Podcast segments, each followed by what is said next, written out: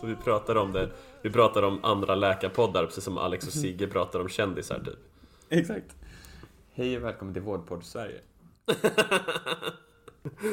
Sluta med att säga hej och välkommen till vårt podd Sverige. Vi har bara tagit över. Med tre megalomana läkare. Verkligen.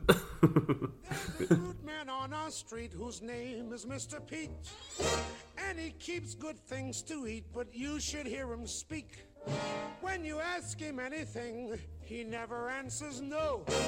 He just yeses you to death and then he takes your dough. Oh, yes!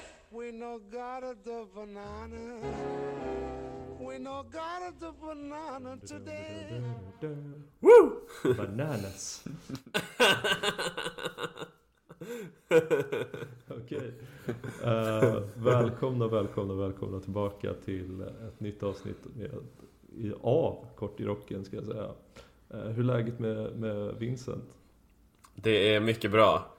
Eh, Jag vet att eh, förra gången var min sista gång som jag fick, vad, vad, vi, vi gjorde någon sån här skrytometer. Just det.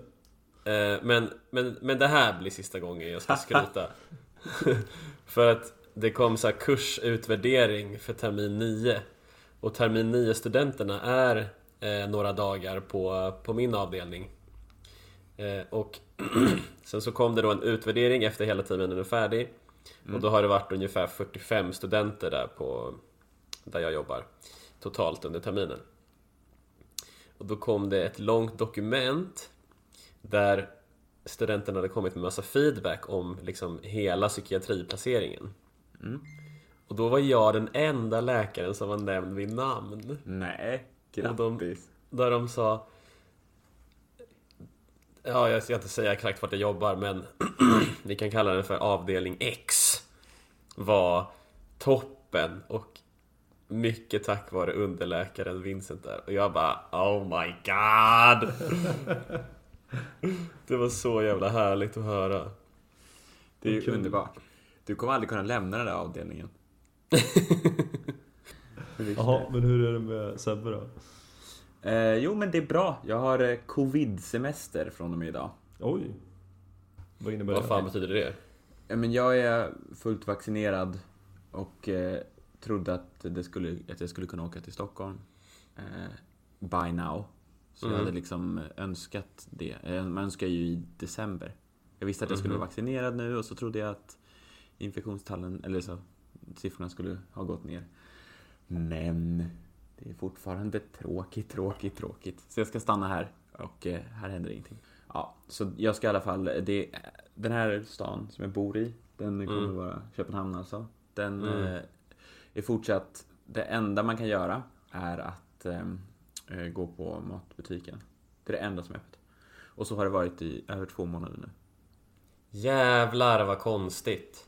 Det är så konstigt. Så det enda folk gör, alltså det enda, enda man gör det är Gå och handla mjölk. gå och handla mjölk, gå, i prom, gå på promenad och sen finns det någon galning som går och natt, eller vad heter det, vinterbadar. Men nu är det liksom fyra minus. Har ni någon snö där? Oj, oj, oj. Ja, det, det är ändå snö. Alltså jag har varit så imponerad av alla folk som cyklar här uppe i Umeå. Hur fan är det ens möjligt? Har man snökedjor på däcken då? Nej men du har väl dubbar. Men, men folk sitter och cyklar liksom fram och tillbaka till jobbet. Så här 20 minus. Fullt med Ja. snö och is. Inga problem. Jo men du vet jag föddes ju Min förlossning det var ju 25 minus Siktade här är som inga problem. Jag hade en sån hemmaförlossning Siktade på en liten Sån balja men den var frusen så jag träffade isen det första jag gjorde Det är så Okej, kul att du och jag sitter och kollegor. diskuterar snö. Ja, du och jag Vincent, som bor här nere. Och sen så har vi en Umeåbo med på länk. Ja, alltså för här är det ju gott om snö. Men ja, eh, kanske nog om detta och eh, vidare till, eh, till vad vi faktiskt ska prata om idag. Eh, Mm. Jag har nämligen tänkt att vi ska prata om diabetes. Den ökända sjukdomen som jag tror att i princip alla där ute känner till. Men det är kanske inte så många som vet vad det egentligen handlar om och vilka enorma problem detta med diabetes kan orsaka. Mm. Woo! Så vi tar och kickar igång med lite diabetes. Nu åker vi. Nu åker vi! Åker vi på socker berg och dalbanan här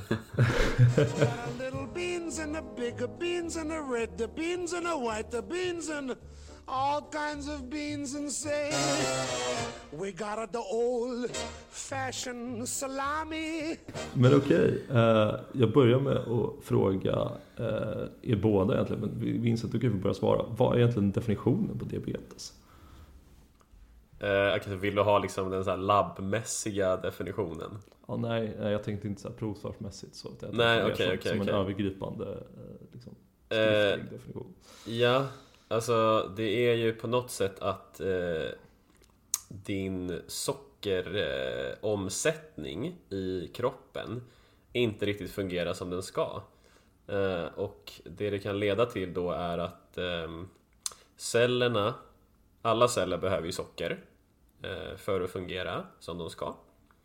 Eh, och diabetes är helt enkelt en sjukdom där sockret inte kommer in i cellerna på rätt sätt. Och då stannar det ju ute i blodet istället för att komma in i cellerna. Och därför så leder diabetes till högt blodsocker. Snyggt. Några tillägg. Sebbe? Jag satt och funderade på skillnaden mellan diabetes mellitus och diabetes insipidus. Eller hur? Mest för att jag tänkte på de här gamla läkarna som satt och, satt och alltså, som provsmakade patientens kiss. Mm. Och varför gjorde de det då? Inte det diabetes insipidus? Nej, Fast det måste väl Eh. vara diabetes mellitus för du får socker i urinen. Precis. Okej, men får man det också av insi... Jag vet inte vad den här insipidus är för någonting. Nej men insipidus är ju att du utsöndrar för mycket av, eller för lite av det här antidiuretiska, alltså antikisshormonet från hjärnan som gör att du kontinuerligt kissar för mycket. Aha, ja! Men varför Jaha, heter så- det också Jaha, så det har diabetes? ingenting med diabetes att göra? Nej det har ingenting med diabetes att göra. Det är, Men jag antar att man diagnostiserade det på, genom att folk kissade så mycket. Och så blev det då två olika. Den antingen den, den, den Ja, som smakar sött och den som inte smakar sött. Det ordet diabetes betyder är ett grekiskt ord och det menar eh, passing through. Aha. och the, so- the meaning is associated with frequent urination, which is a symptom of diabetes. diabetes. Passing through. Ja, passing through. Så Eh, om någon frågar, om, någon, om man, stann, om man liksom åker igenom en liten byhåla och någon bara undrar så här, vad gör du? Diabetes. Mm. Ja, så att det har väl sammankopplat med att man kissar mycket. Ja. Men mel- mellitus kommer väl från ordet för honung? Oj, det kanske det gör. Det vet jag faktiskt inte. Gör det? Ja, för melli på grekiska är honung. Om vi ska sammanfatta det hela så får jag ihop det till en metabol sjukdom som karaktäriseras av högt socker i blodet. Vad betyder Mm. metabol sjukdom? Det är en bra fråga. En metabol sjukdom definieras väl antagligen som en sjukdom eh, som påverkas av Ja, där får jag ta och kolla upp det här går inte. Jag kan titta. Men metabol Det är lät som- ned... Nej men... Oj, kan vi komma det där själv? smattrandet får du ta bort. Ja, alltså vi är faktiskt tre läkare Ludvig, innan du säger någonting nu. Nu får vi faktiskt försöka komma fram till det här själva, vad en metabol sjukdom är. Okej, vad, vad är en metabol sjukdom? Det var, det vet jag. Okej. Jaha. Ja, Men då är det gissa jag och Sebbe då som får gissa Ja, lite. Okej Vincent, vi får ta reda på det här. Metabol. Alltså metabol har inte bara att göra med nedbrytning av produkt, alltså näringsämnen. Exakt. Men, vad, men det värsta är att man fastnar i det här metabol. Ovanför bålen. Bål. Det är ju huvudet. Det är det man äter med. Alltså munnen. Så att man är helt enkelt sjuk i huvudet, är det det du försöker säga? Nej, jag menar att man i munnen. I munnen sjukdom alltså. Där man äter. Tandläkaren får ta hand om det här. Jag, jag tänker att eh, alltså metabolism är ju ett samlingsbegrepp för allt som kroppen kan göra med typ näringsämnen. Så typ eh, bryta ner mat som vi får i oss och sen bygga upp det till nya proteiner och olika fetttyper eh, och eh, sockerarter och sånt där. Mhm. Och eh, metabolismen är ju alltså väldigt viktig till att eh, ja, helt enkelt eh, ta vara på det som vi äter och sen använda energin på ett smart sätt. Så för att alla... en metabol sjukdom? Ja, det är helt enkelt när man inte kan ta hand om den här energin på rätt sätt. En störning eller en rubbning i människokroppens nedbrytningsprocesser av näringsämnen eller läkemedel. Mm. Ja, men kolla. Det är bra. Mm. Jag, en instick här. Jag, hade, jag träffade en väldigt, väldigt gullig patient idag. Mhm. Som, han var så himla trevlig. Och eh, han, när jag skulle prata med honom om varför jag hade seponerat hans antibiotika, varför jag hade avslutat Oh, hans antibiotikabehandling. Ja, det är ett sexigt ord tycker jag. Ehm, då så påminner jag om hur mycket man får träna på det här med lingot, alltså att prata så patienter förstår. Mm. För han visste inte vad antibiotika var. Mhm. Han, jag sa antibiotika och han sa anti, det är emot, biotika, vad är det? Så sa jag bakterier och då sa han så, ah. Och då kände jag, oj, det, det var jag faktiskt inte medveten om. Att, att det faktiskt också är ett ord som alla inte fattar. Det känns ju som eh, ganska mycket common knowledge. Ja. Ja, men är det inte så här typ folk som kanske typ om någon, om någon nu skulle lyssna på den här podden, alltså folk som är så lite intresserade av medicin överhuvudtaget, de, alla kan alla det. Mm. Men, Mm. men bara om du tar någon helt random och plockar av gatan så kan det vara någon som inte kan det. Jag vet inte. Absolut. Du tänker någon som inte. inte. bara levt på gatan utan under en stor gatsten. Ja, För jag menar, Nej, antibiotika, antibiotika Trevligt. blev väl liksom front page news samma dag som det upptäcktes typ. Alltså det måste ju varit ett sånt enormt breakthrough.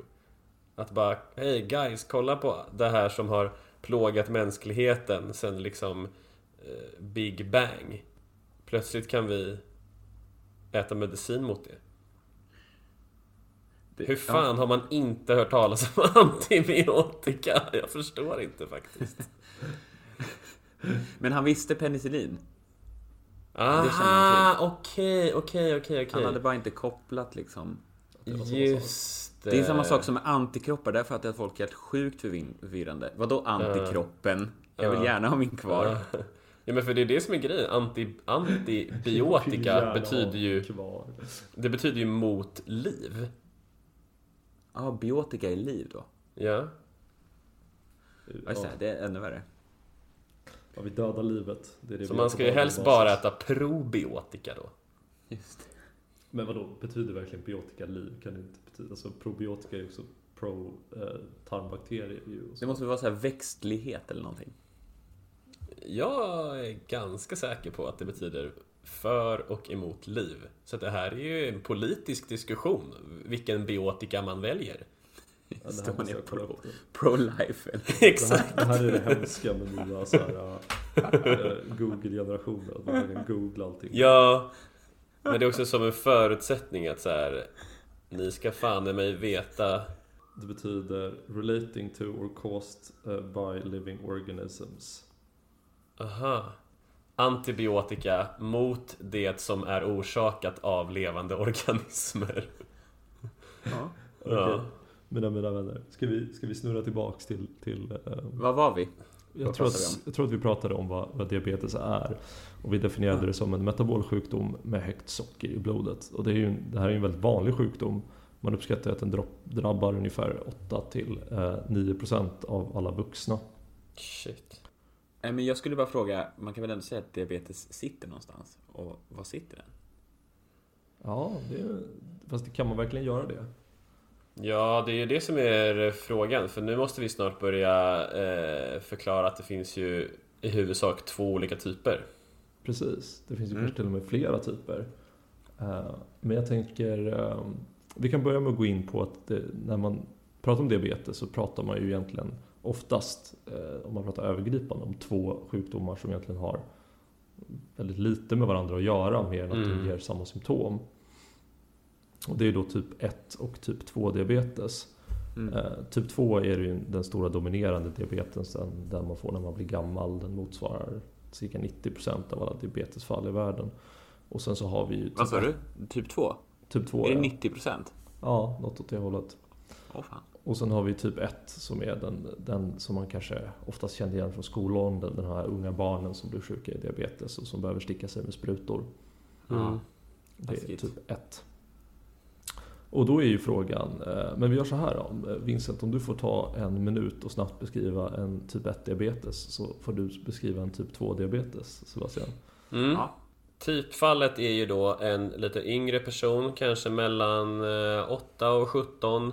Eh, oftast eh, inte alls liksom överviktig eller något sånt där, utan kan vara hur smal som helst och vältränad och, och hälsosam på alla sätt. Men så sker en autoimmun reaktion, alltså kroppens egna immunförsvar attackerar då eh, små särskilda celler som finns i det här organet som Sebbe var inne och hintade lite på.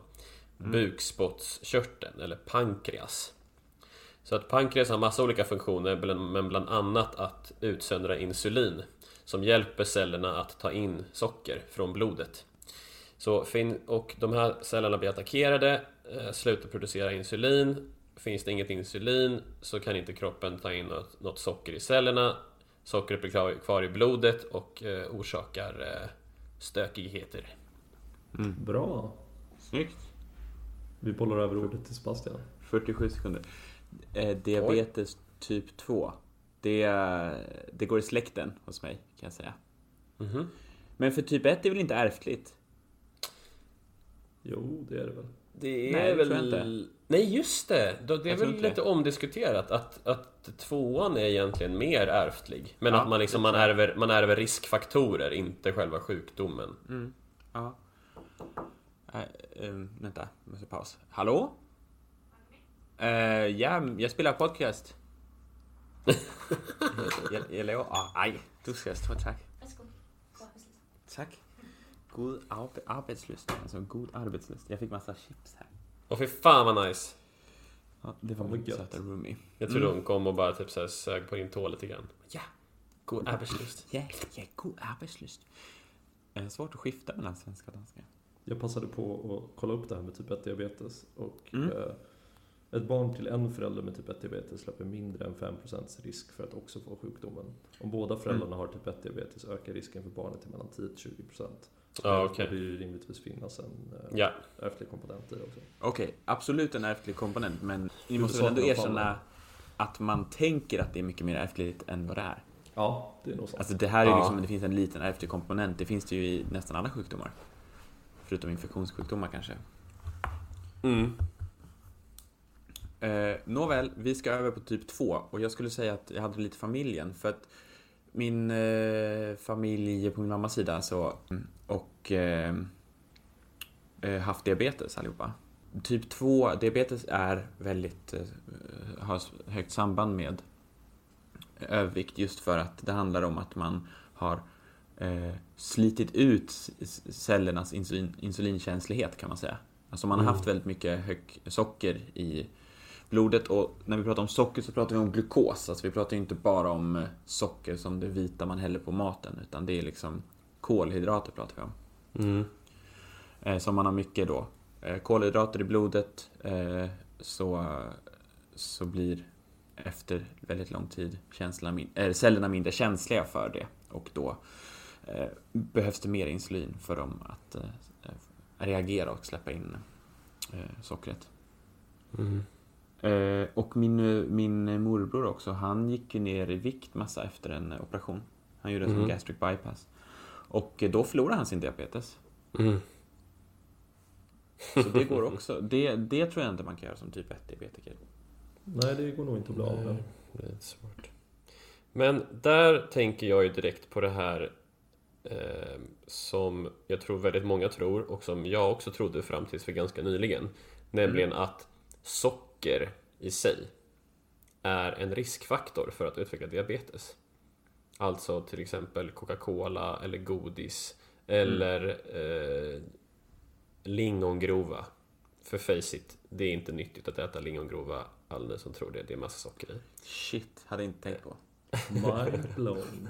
Verkligen. Det spelar Men- men... således roll vilken typ av diabetes man pratar om då. Ja, men jag pratar om tvåan.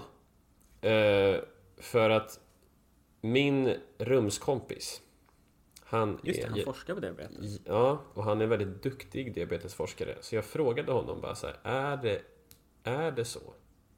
Och han sa nej. Alltså, det finns ingen korrelation mellan själva sockermolekylen och risk att utveckla diabetes. Däremot Ah. så är ju Däremot så är ju socker alltså vitt socker eller andra liksom snabba kolhydrater en väldigt liksom säker enkel biljett till övervikt och, och ännu värre liksom fetma. Eller det som kallas alltså morbid, morbid obesity. Eh, alltså Det är det som sjuklig. är extrem fetma. Ja, alltså morbid betyder ju bara att det är sjukligt. Eh, Så sjuklig eh, övervikt liksom. Det är, det är övervikten som är riskfaktor för att utveckla diabetes typ 2. Så att det här med att liksom... Det är sant det där med att det liksom sliter på cellernas liksom insulinkänslighet och så, men det har ju det har ju inte med själva liksom sockermolekylen att göra, alltså glukos att göra, utan det har ju att göra med hela den här metabola omställningen som kroppen försöker hantera när man har för mycket kalorier. Alltså att man har mer kalorier än, än, eh, än man kan spendera helt enkelt, så att man går upp i vikt. Snyggt.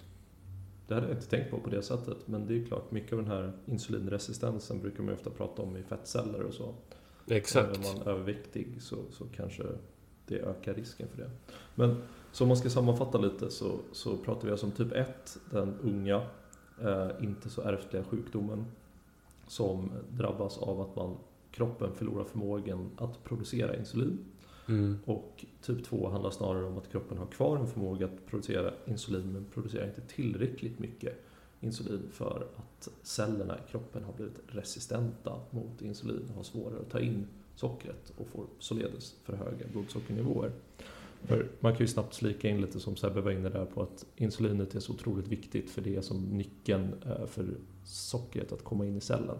Mm. Insulinet behövs för att eh, sockret ska kunna transporteras in i cellen. Och det tänkte jag så här att man pratar ju ofta som typ 1 och typ 2.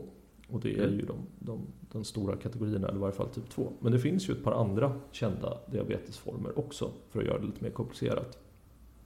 Och det är lite omdebatterat exakt vilka definitioner det finns, men det finns några ganska vedertagna definitioner.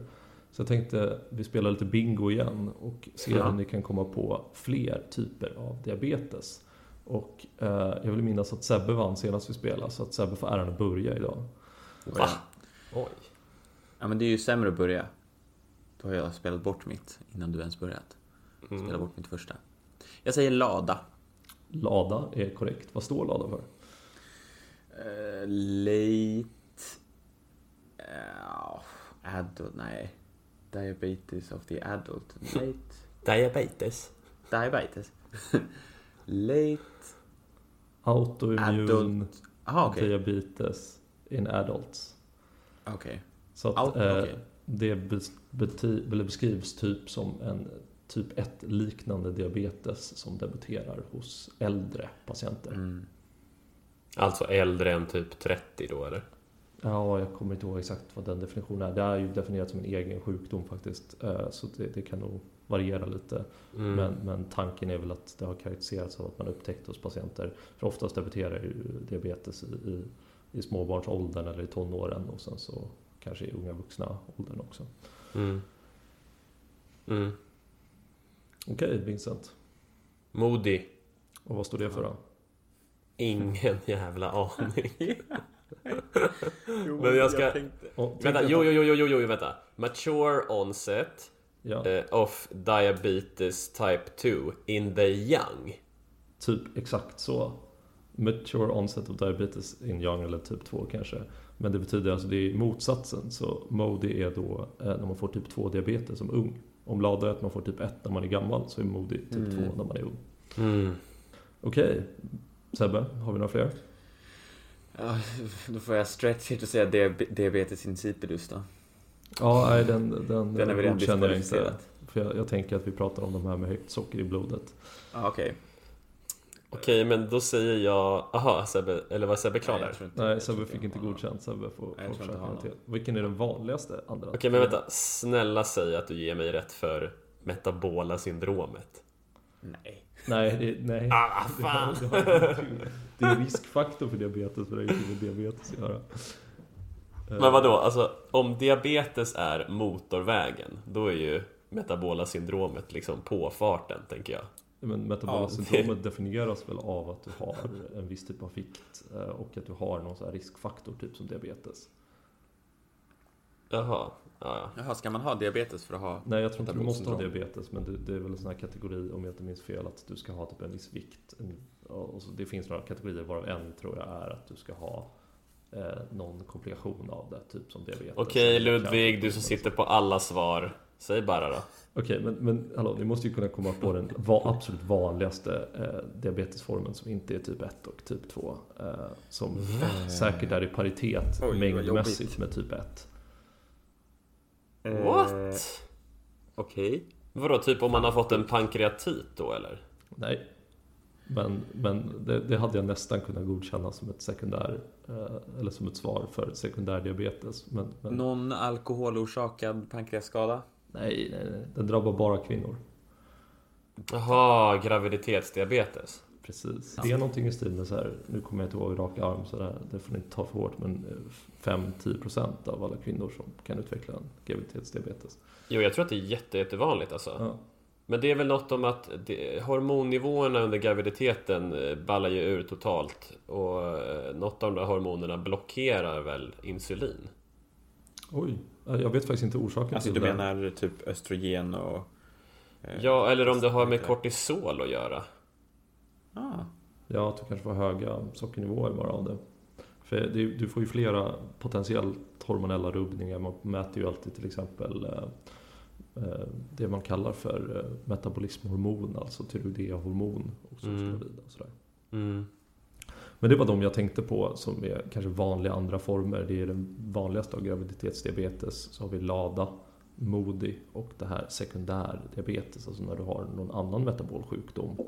Eh, Som i sin tur leder fram till att du får en diabetes. Kanske någon skada på pankreas som inte har med, med vanlig Mm. diabetes att göra. Eller en sjukdom som heter till exempel cystisk fibros. Och så kan man få den typen av problem.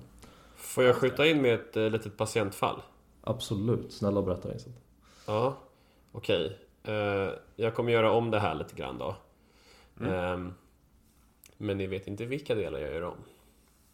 Men det här var för några år sedan. Och eh, det var en patient. Eh, hen brukade komma till oss eh, lite då och då. För att eh, hen hade problem med eh, alkohol. Och eh, alkoholism tillsammans med en diabetes typ 1 som den här patienten led av.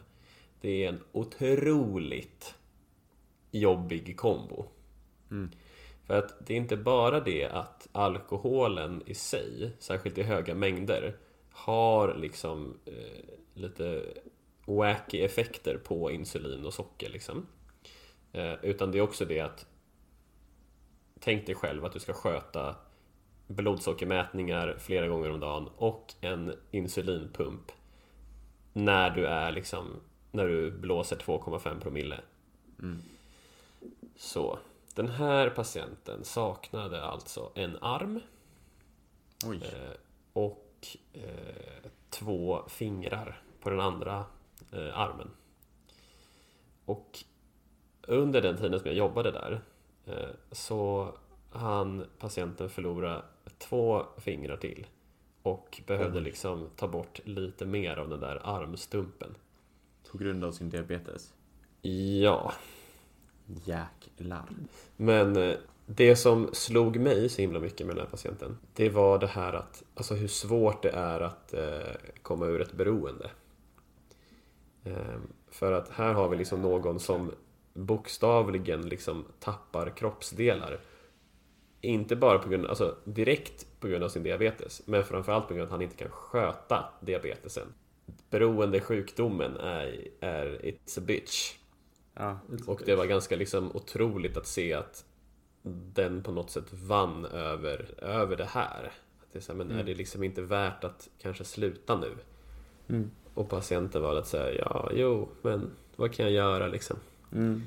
Och, Fan vad fint det här la sig Vincent. Klart. För det här tar ju oss perfekt in på, på den saken som jag, vi tänkte, jag tänkte jag skulle fråga er härnäst. Och det är Ja. varför är diabetes så farligt? För jag menar diabetes är inte bara det är inte bara att man har högt blodsocker och att det är jätteroligt och att man springer runt på en sugar high hela tiden. Utan eh, det, är ju, det pratas ju mycket om det för att det är en väldigt jobbig sjukdom och eh, det är en väldigt farlig sjukdom. Eh, Och jag tänkte, vad är det? Ni Sebbe, du kan få börja och beskriva lite. Vad är det som gör att diabetes är så farligt? Ja, först måste jag bara fråga. Är, är man liksom sugar high? Jag har inte ens tänkt på det. Men det kanske, det är man då. Om man får liksom högt blodsocker så blir man Alltså jag tror inte att det där som vi kallar för sockerkick. får så mycket sockerkick för de är så vana vid att ha höga blodsocker i världen. Men är det det som är liksom när vi säger sockerkick? Ja, men det är Ja, väl Att fast- man har högt blodsocker? Ja, men grabbar, tänk efter nu. Vad är diabetes? att sockret inte kommer in i, i cellerna. Exakt. Men det, det, alltså, jag tänker att, eh, ja nej det är ju det är väldigt rimligt att du inte får en sockerkick då. Sen vänjer du dig väl också med det. Men eh, vad heter det? Eh, Jag tror att en vanlig sockerkick för en vanlig människa är väl bara att du får ett väldigt högt blodsocker och sen så får du, börjar kroppen producera jättemycket insulin och så får du ett jättelågt blodsocker och då blir du så här jättetrött.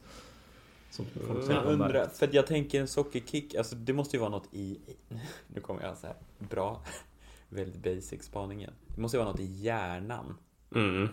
eller hur? Det måste ju vara en neurotransmitter i hjärnan. Ja, men jag tänker att det är dopaminet. Socker och, socker och dopamin hör väl väldigt bra ihop. Men tänker man då att om du har högt blodsocker, då får man också högt dopamin? Nu är vi fan ute och cyklar här. Ja, men jag menar sockerkick, det var därför jag frågade om sockerkicken. Ja. Jag har inte tänkt på det som det. Jag såg en serie och då är det en Mm. scen där mamman, hon tar med sitt barn till läkaren. Men innan barnet går upp till läkaren så tvångsmatar hon det här barnet med typ tre liter läsk. Och så då har hon då tagit barnet till en psykiater och barnet bara liksom freakar ju ur och klättrar på väggarna och är väldigt, väldigt ofokuserad. Och det här var då för att eh, barnet skulle få en fake ADHD-diagnos så att mamman kunde få Ritalin. Sjukt smart. Ja, och jag tänker att det här har nog hänt. Det är så jäkla smart. Men jag, jag satt och pratade med en, eh, en kompis som jobbar som psykolog på eh, BUP. Och så han berättade att de hade träffat ett, ett par med, med ett barn som var på utredning. Där typ Ja. så här, alla utredningar hade visat sig att det, det, var liksom, det verkar inte vara något fel på barnet. Eh, Mm. Det verkar bara vara lite relationsproblematik hemma. Liksom, Mm. Bråk och stök och så. Eh, men, men barnet funkade bra, funkade bra i skolan och allting sånt där. Och föräldrarna var så jävla besvikna av att ungen bara inte kunde få en ADHD-diagnos. Att Aha. kunde få liksom hjälp. Och ja, det, jag förstår mig inte på den logiken. Men det, det, det får vi prata om en annan gång. Så Ja. vad, vad säger ni? Vad är det, tror ni det är som gör diabetes så himla farligt? Tillbaka till kärnan. Okej, jag vill... ehm, jag vill eh, lägga in ordet ketoacidos. Det var ett eh, Oj. komplicerat ord. Ja, Men också sexigt. Men också... Ja, det- Ja, Det är nästan Ja. lika sexigt som att seponera. ja. Ketoacidos. Jag kom också på vad metabol heter på danska. Det heter stoffskift, stoffskifte. Det låter som en sån narkohandlare. Stoffskifte. Stoffskifte. Stoffskiftesygdom. Stoffskiftet. Så du fejlar nu en stoffskiftesygdom? Är det så diabetes eller? Vad var vi?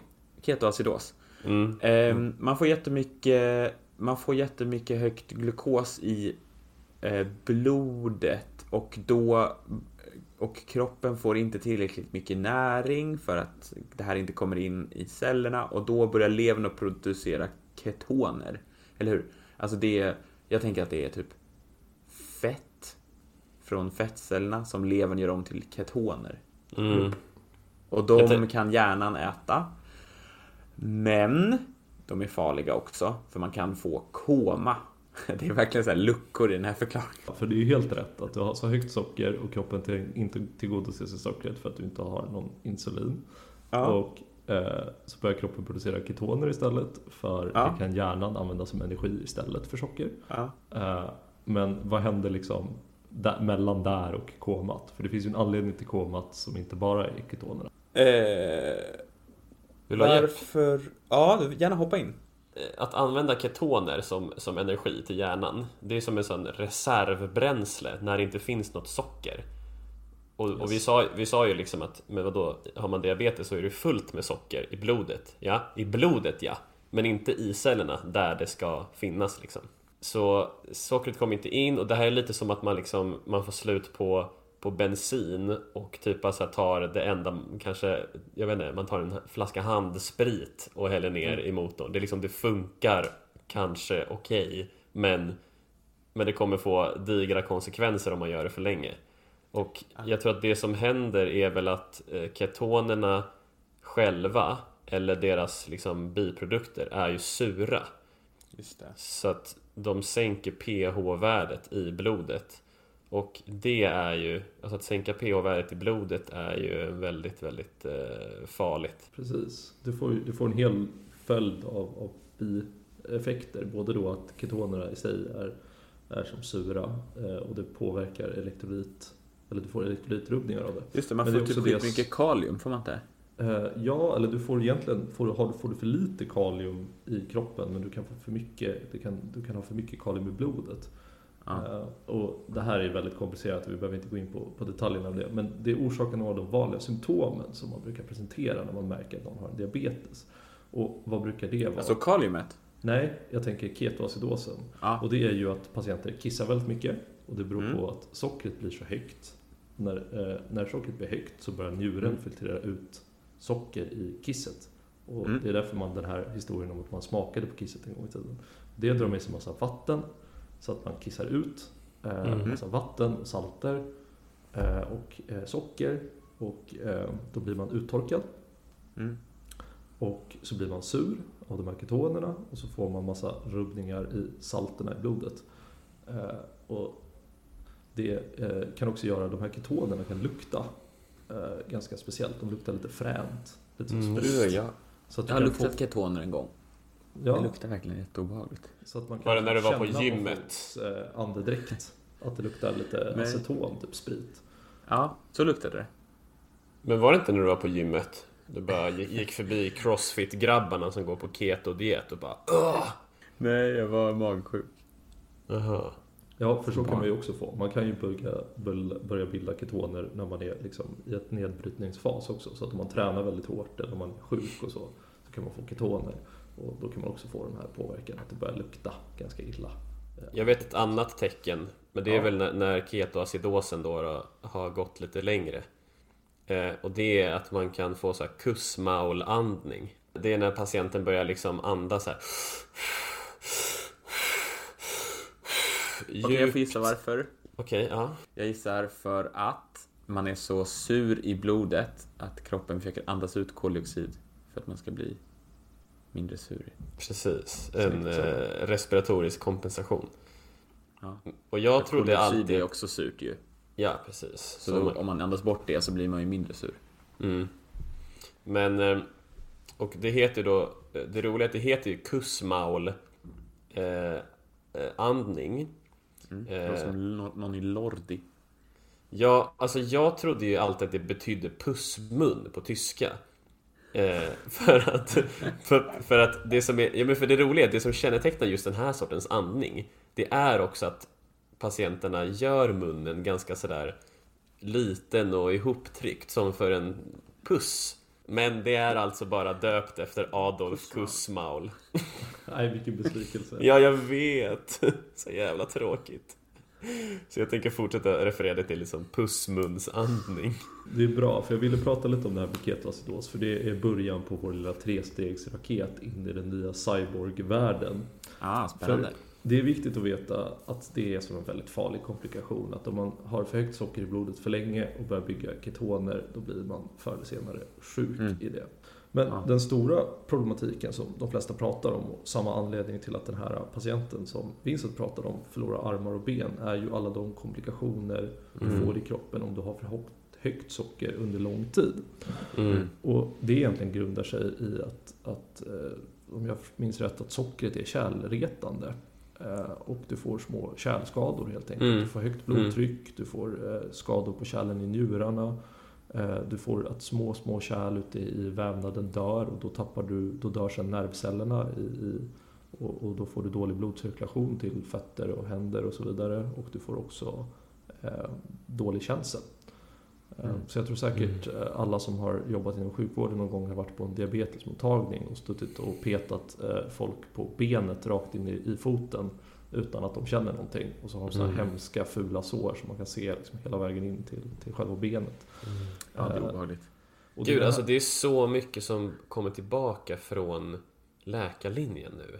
När vi går igenom det här. Alltså vet, alla de här alla de här diagrammen man ritade upp och man ritade av celler och pilar hit och dit liksom och det ena hindrar det andra men då gick aktiveras, aktiveras något annat. Alltså det var ju rätt kul. Alltså det är skönt för mig för att det kommer, jag får inte alls tillbaka de här flashbacksen. Men det hade ju mest med att göra på att jag bara satt och tittade på medan du gjorde det här. Så, så jag hela tiden. Men Jag trodde du skulle säga jag får inte alls några flashbacks för jag sov bara. ja, det händer ju också. Men, eh, nej, men det, det, det, för det är de vanligaste, liksom det man pratar om diabetes, att man, fan, att man blir så blind eller att man, eh, man förlorar fötter och armar och så. Mm. Det är ju att om man har högt socker och, och inte sköter sin diabetes under längre tid så blir kärlen sjuka och sen blir vävnaderna sjuka och sen så slutar det ofta väldigt illa. Och eh, diabetes är ju inte en sjukdom eh, du, framförallt inte typ 1, men även farliga varianter av typ 2, är ju inte en sjukdom du överlever utan behandling, utan då dör man ju Mm. faktiskt. Eh, Mm. Så vi har gjort enorma framsteg med att vi har diabetiker idag som, som klarar av att leva full, eh, nästan full långa liv, även om, om eh, jag tror att i, i snitt så har du ju en förlängd, eller förkortad eh, livslängd Mm. som diabetiker. Inför det här avsnittet så läste jag en artikel eh, från British Medical Journal från 1955 Mhm. som pratade om eh, diabetes då. Och då var det verkligen så att de var så himla nöjda att, att idag, alltså de som sa så, idag så behöver diabetes alls, inte alls vara en dödsdom inom det första året. Alltså det var liksom fram till Oj. dess så hade man liksom dött inom ett år när man fick diagnosen. Alltså om man fick typ, typ ett som- då eller? Ja, det är väl typ som vi kanske kallar pankreascancer idag liksom, eller som bukspottkörtelcancer som är en sån Ja. jätteläskig sjukdom idag. Ja. Men vadå, pratade de om typ ett eller två då? Ja, det måste väl vara typ ett ja. Ja, För jag tänker att fetma och, och andra liksom, ja, övervikt och välfärdssjukdomar, de blev väl... De, de har ju bara blivit vanligare och vanligare, men 55 kanske de inte var så vanliga ändå. nej.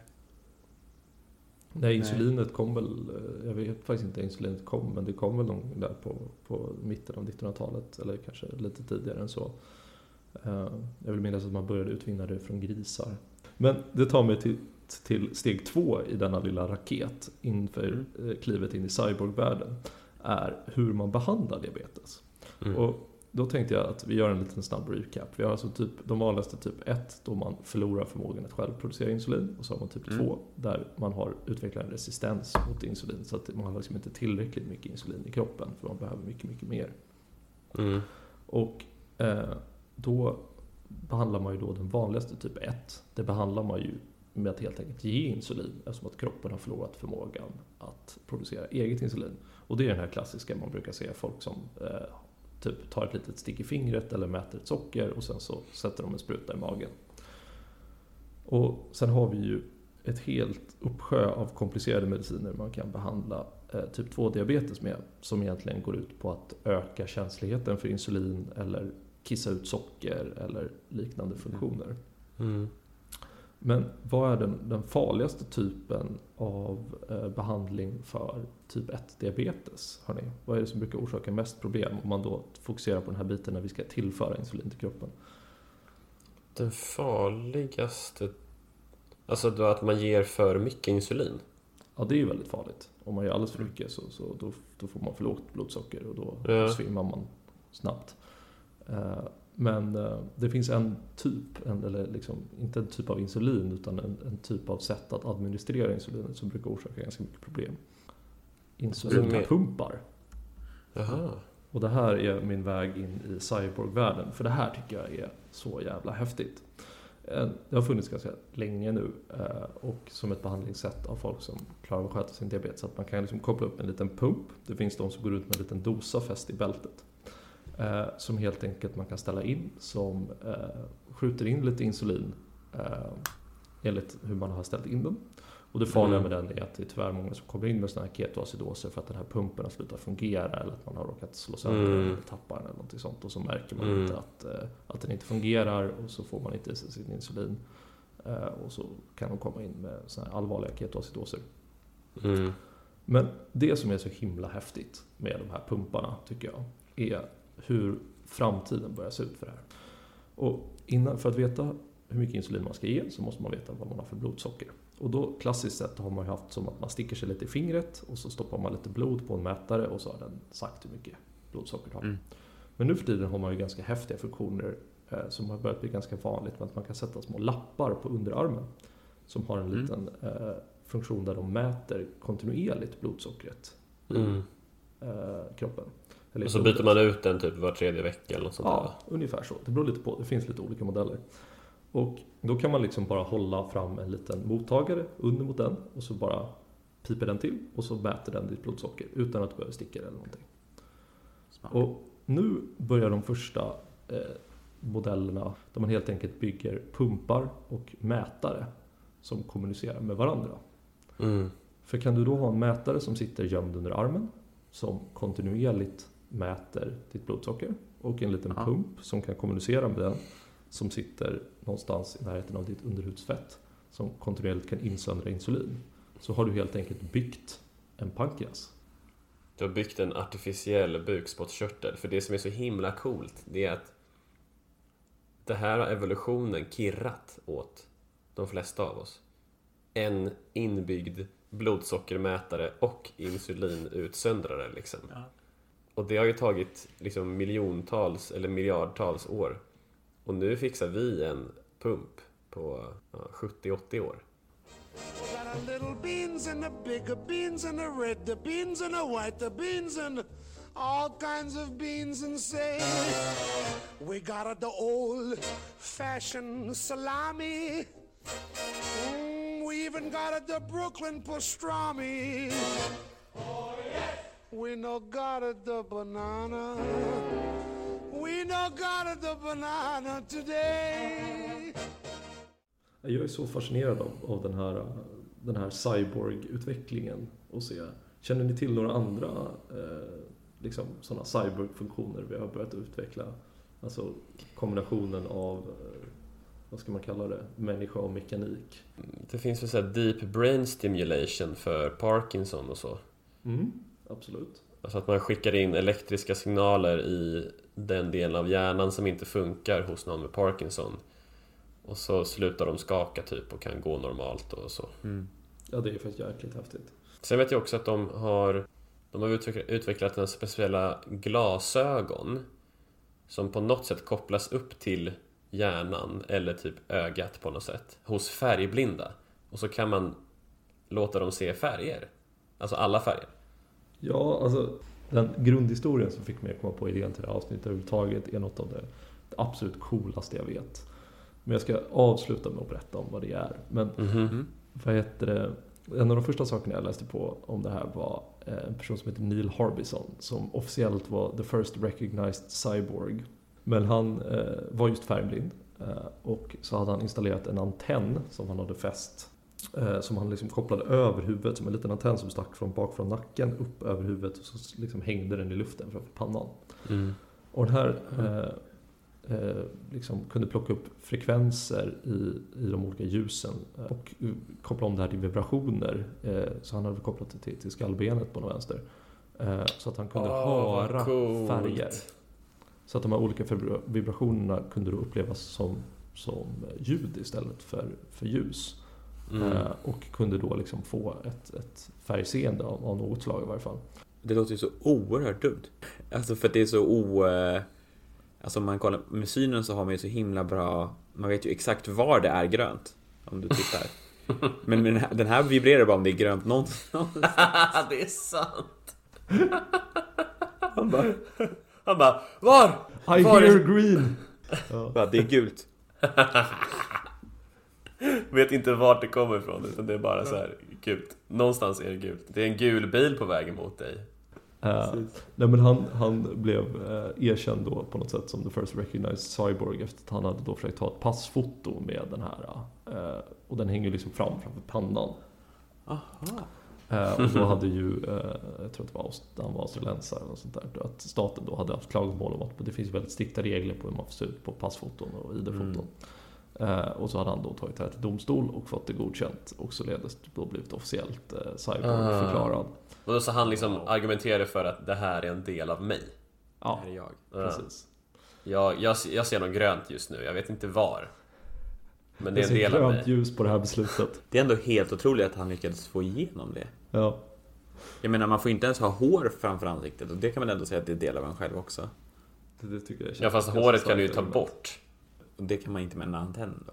Nej, antagligen Om inte. Om, Inopererad så blir det ju lite knepigt kanske. Ja. men, men alltså räk, räknas... eh, För de, man har ju sett eh, filmer på liksom eh, mer och mer avancerade typ handproteser. Alltså jag vet inte om ni har kollat dem, men de är helt sjuka. För det här kommer jag ju till de två nästa punkterna jag tänkte prata om i den här cyborg-listan är ju de här sjuka proteserna. Och där finns det ju många olika typer och det finns ju de som är så här, motoriserade där det finns förprogrammerade eh, liksom program för hur handen ska röra sig och sådär. Men så finns det också sådana man har försökt bygga som är liksom för att återskapa eh, stimuli som ska representera känslan. Att den, Mm. den ger olika stimuli beroende på resistansen på de mönster och så du tar i. Så Mm. du kan känna om du liksom rör handen över olika föremål för att resistensen är olika. Ja, det är så jävla sjukt Eh, alltså. Och att du, att du då kan stimulera det här till handen. Och många av de här sakerna funkar ju egentligen bara för att hjärnan är så plastisk. Att om du har haft en nerv som har fungerat för någonting Mm. eh, så, så kan du lära om hjärnan att tolka det här stimulit på ett annat sätt. eh, Även i liksom vuxen ålder. Ja, men lite som han gjorde med sina färger och ljud. Ja, exakt. Men här kommer ju till den absolut fetaste grejen som jag har hållit på att prata om eh, under flera år. För jag tycker att det här är så sinnessjukt fett. Mhm. Ja. Men det finns någonting som heter Brainport. Eh, Den har fått blinda personer att börja se igen. Mhm. Oj. Och hur har man gjort det? Jo, vet ni vad en homunculus är för någonting? Ska Det är en väldigt ful gubbe. Som, eh, som är naken. Och han är animerad. Och han har en jättestor näsa. Och jättestora läppar. Och jättestora fingrar. Och jättestora händer och jättestor snopp. Ja. Exakt Och det så. har han för att hans kroppsdelar är animerade så att de ska representera hur många nerver vi har i hjärnan för de här liksom, per kroppsyta. Precis, så det om ni inte har sett det innan så kan ni snabbt googla en homunculus. Men det är som en liten läskig figur som representerar då hur, hur pass mycket nerver vi har som representerar olika ytor på kroppen. Och eh, tungan är ju väldigt, väldigt, väldigt, väldigt stor. På just det. Så det de har gjort är att, eh, och det här går att googla och kolla videos på, det, är- det är riktigt ballt. Men de har då så byggt ett par glasögon som har en kamera i mitten, inte så avancerat. Men den här kameran har de då Eh, kopplat till någon slags kontrollenhet som har en, eh, en liten platta som du kan lägga mot tungan. Som då kan ge olika typer av eh, stimuli på tungan som motsvarar vad kameran får in.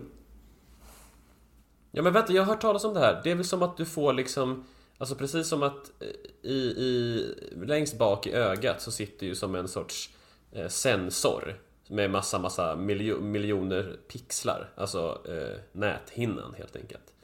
Är det inte då så att kameran filmar liksom omvärlden och så är det som att den här plattan man lägger upp i gommen eh, på Brainport, att den blir som den här sensorn. Så att säga, att säga att sensorn har typ liksom 10 000 gånger 10 000, alltså vad blir det? Typ 100 miljoner eh, pixlar. Och så, så blir det lite elektricitet i typ en tredjedel av pixlarna. Och då känner tungan av det som en bild. Ja, eller det känner ju bara av det, det stimulit det ger. Precis Ja. som, som hjärnan hade fungerat, du bara, du bara förbikopplar ögonen. För normalt sett så kommer ju ögat, eller ljus in genom ögat och studsar på, på näthinnan. Mm. Eh, och det sänder ju en elektrisk stimuli efter var det träffar.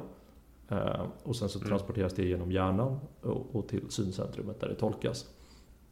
Och det du gör här är att du gör egentligen exakt samma sak. Det är bara det att du skickar stimulit in i tungan istället. Och eftersom Mm. tungan har så otroligt hög känslighet så kan hjärnan lära sig att tolka om de här konstiga signalerna de får på tungan till att bli någonting visuellt. Shit vad sjukt Shit vad smart. Det Så är här- så smart. Det är nästan perfekt. Ja, Men inte alltså det, det är riktigt. så jäkla. Och det är ju inte så att de får någon slags perfect vision och att de, de liksom kan se eh, allting som de inte har sett. Men det finns såna himla häftiga videos där de har gjort det här med personer. Det är bland annat en så här promotion video som jag så tittade på. När, de, det så här, när, han får se typ, the, the, vad var det, the solar eller lunar eclipse. Och när han får se så här fyrverkerier. För det var en Mm. man som hade fötts blind. Mm. Eh, han var, och liksom, han har ju aldrig förstått vad det är. Liksom. Om man aldrig har sett någonting så är det ju otroligt svårt att greppa vad det är, liksom, tycker jag. Men vadå, måste man inte... Måste man inte koppla den vidare från tungan sen till liksom syncentra? Nej men det gör hjärnan själv. Men hur kan den göra det själv om man aldrig har sett någonting? Alltså man är född blind. Ja. Ja, det, det, däremot kan jag inte svara på. Men han kanske, inte helt, han kanske inte ser det, han kanske smakar fyrverkerierna. För att alltså, även folk som föds blinda har ju, har ju en synbark, liksom. Alltså visual cortex. Eh, för i de flesta fall så är det ju fel på ögonen och inte hjärnan, liksom. Eh, om man föds blind. Men om du då inte har en enda referens till hur världen kan se ut, liksom, hur ska de här tungsignalerna skickas vidare till, till ditt syncentrum? Liksom? Alltså jag tänker Nej, att det är mer som ett, ett rutnät. Liksom. Och Jo, men det är jag med inte- på. Det är, det är här du inte får en perfekt syn. Nej, men jag, är, jag är med på att det är ett rutnät. Alltså att det är som liksom en pixelerad yta som liksom reagerar Ja. en, enligt vad världen visar, den här kameran. Liksom. Men hur kommer det vidare bak till syncentrum? Det som vi kallar för syncentrum, det är ju liksom... Eh, alltså att din syn och, alltså, och min syn representeras där i hjärnan men det är ingenting med just de cellerna som gör att de är bättre på att förstå just syn. Så att man kan ju bara tänka sig också att Ja, fast vadå? Det finns ju specialiserade celler i syncentrum som är liksom... Eh, jag vet inte om ni minns det från när vi läste liksom neurokursen, men just det här att du har celler i syn, syndelen av hjärnan som är jättebra på att eh, se lodräta streck. Och sen har du andra celler som är jättebra på att se typ diagonala streck åt vänster. Och sen har du några som är, som är jättebra på att se streck som är horisontala. Alltså det är så det, men- specifikt. Jo, det är, det är sant. Men är, var det så... ehm, var det så att de hade någonting, någon, någon speciell egenskap som gjorde att de kunde se just lodräta streck? Är det så att man har ett speciellt protein som är så? ah shit, det, det minns jag faktiskt inte. För att annars, antingen så kan det ju vara att de har utvecklat det, men då kan man också tänka sig att de blinda inte har utvecklat det. Eh, och att de här cellerna, alltså, de- alltså Ja, jag vet inte, det här är långt omför. Jag tänkte i alla fall att det var imperfekt för att jag skulle ändå vilja kunna se när jag äter. Så det hade varit mycket smartare om de hade den här äh, rutnätet på just ollonet. För man behöver ju inte... För då kan man se när man äter. Hade tänkte jag på bara. Så kan man byta plats på dem när man ska Ha- ha sex. Så, väldigt imponerande, inte helt perfekt. Fy fan vad sjukt. Alltså, Så man, men vadå, det måste ju finnas en... Ja just det, ja. Kameran kan fortfarande sitta där med glasögonen och så kan man ha en liten hy- hypodermic cable som bara åker rätt ner till eh, glanspenis och bara stimulerar. Men tänk om man då skulle få man stånd. kan få precis lite oväntade bieffekter och sånt. Om man ser, om man ser fyrverkerier. Det är som att världen utvidgar sig. Ja men precis. Det är väl det som är problemet med ollonet, att det liksom växlar i size. Men frågan är hur mycket växer själva ollonet vid stånden då? Det här som säger, min mage är för stor, jag kan inte se mig. Jag har, massa, jag, jag har väldigt många överviktiga i min släkt. Just det. Vi, vi kan ju bara säga för kontext här att vi mobbar inte Sebbe utan han är, han är smal egentligen. jag tror du säga han är egentligen välhängd. Ja precis, det är han säkert skulle också. säga något sånt. Gud. Tyvärr Sebbe, så långt kan jag inte offra mig. Åh gud. Men vi, jag inte, vi kan, till nästa avsnitt kanske vi kan ta in några av Sebbes ex för att utvärdera saker. Mm, bra podcastmaterial. Nåväl, det var allt för idag eller? Oh, we have no bananas. We have no bananas today. We got string beans and onions and big juicy lemons and all kinds of fruit and say, We've got an old fashioned tomato, a Long Island potato. Oh, yes. We have no bananas.